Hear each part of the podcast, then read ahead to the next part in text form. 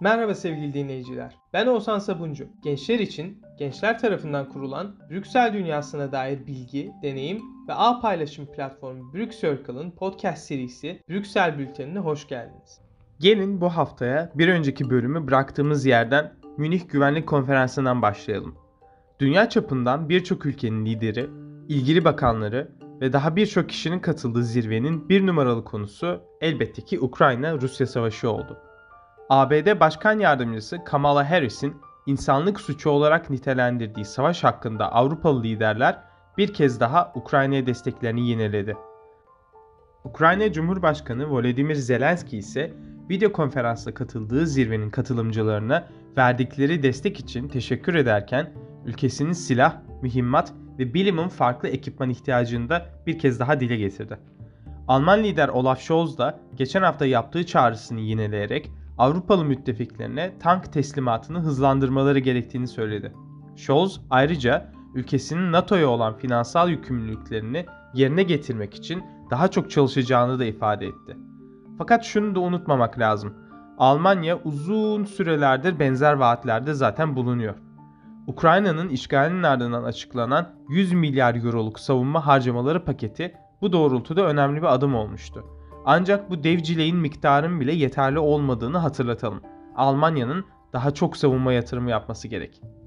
Zirvede Çin'in de yerine değinmesek olmaz. Zira Brüksel'in ve AB üyelerinin uzun süredir nafile çabalar sarf ettiği ülkenin Ukrayna'nın işgalini durdurmak için kilit rol oynadığı düşünülüyor. Çin Dışişleri Bakanı Wang Yi'nin önemli açıklamalarından satır başları ise şöyle. Soğuk Savaş dönemine benzer bir durumun içerisindeyiz.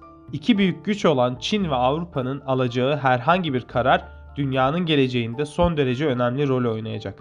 ABD'nin Tayvan'a verdiği destek ile geçtiğimiz haftalarda Çin'in iddia edilene göre meteoroloji balonunu düşürmesi kabul edilemez. Üst düzey ve açık diyalog için bu konularda ilerleme kat edilmesi lazım. Aslında bizler de buradan şunu çıkarabiliriz. Çin'in Rusya'ya karşı daha sert bir tavır alması isteniyorsa öncelikle ABD ile yaşadığı uyuşmazlıkların çözülmesi gerekiyor. AB'nin burada oynayacağı özellikle ticari bağlardan kaynaklanan rol ise çok önemli.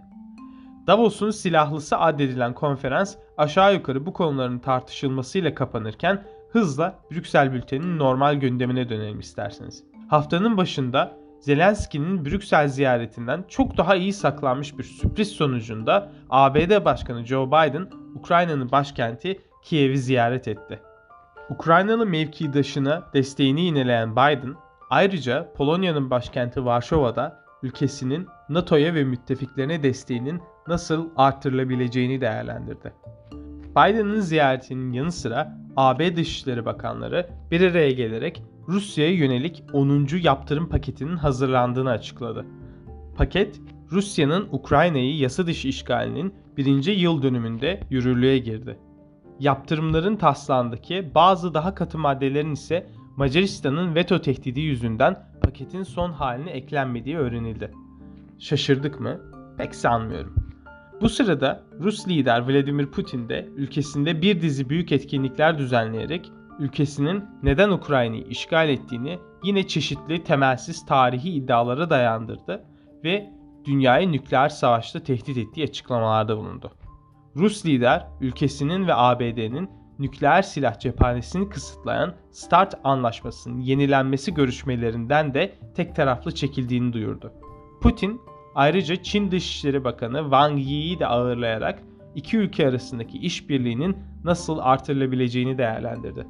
İki ülkenin ticari bağlarının bir yıldır kuvvetlendiği herkesçe bilinen bir şey. Ancak şimdiki en büyük endişe sebebi Çin'in Rusya'ya silah satacağı iddiası. Bu iddia AB tarafından sert şekilde eleştirilirken Çin ise bölgedeki çatışmanın kontrolden çıkacağı korkusunun yaşandığını açıkladı. Haftanın Ukrayna için öneminden dolayı bültenimizin bu bölümü biraz bu meseleyle doluydu. Ancak bölümü kapatmadan önce irili ufaklı başka bazı haberlere de değinmekte fayda var. Hepimizin çay çekirdek ile yeni bölümlerini heyecanla beklediği Qatargate skandalında bir gelişme daha yaşandı. Avrupa Parlamentosu eski başkan vekili Eva Kaili'nin tutuklanmasıyla birlikte vekilin 1,5 milyon euro değerinde bir rüşvet aldığı ortaya çıkmıştı.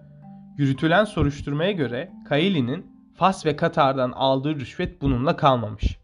Basına sızan Belçika polisi dokümanlarına göre Yunan AP vekili bahsi geçen iki ülkeden milyonlarca euroluk nakit rüşvet almış. Ayrıca Kaili eşinin kendisinden kısa süre önce tutuklanmasından hemen sonra skandaldaki diğer başrol oyuncusu AP eski vekili Pier Antonio Panzeri ile telefon görüşmeleri yapmış. Fakat cuma günü yapılan açıklamaya göre Kaili'nin eşi Francesco Giorgi koşullu olarak serbest bırakıldı.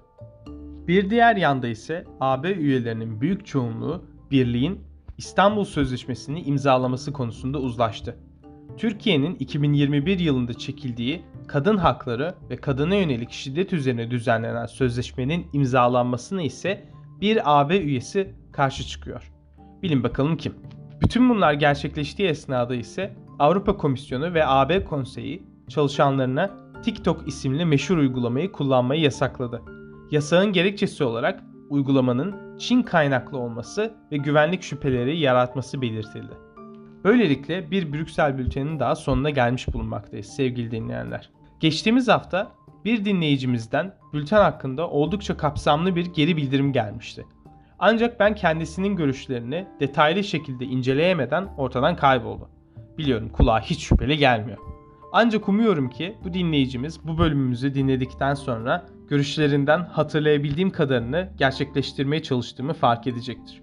Siz kıymetli dinleyicilerimizin düşünceleri ve görüşleri bizi her zaman daha iyi olmaya itiyor. Lütfen Brük Circle hesabımıza ya da doğrudan bana fikirlerinizi iletmekten çekinmeyin. Brük Circle ve Brüksel bültenini takip etmeyi unutmayın. Hoşçakalın.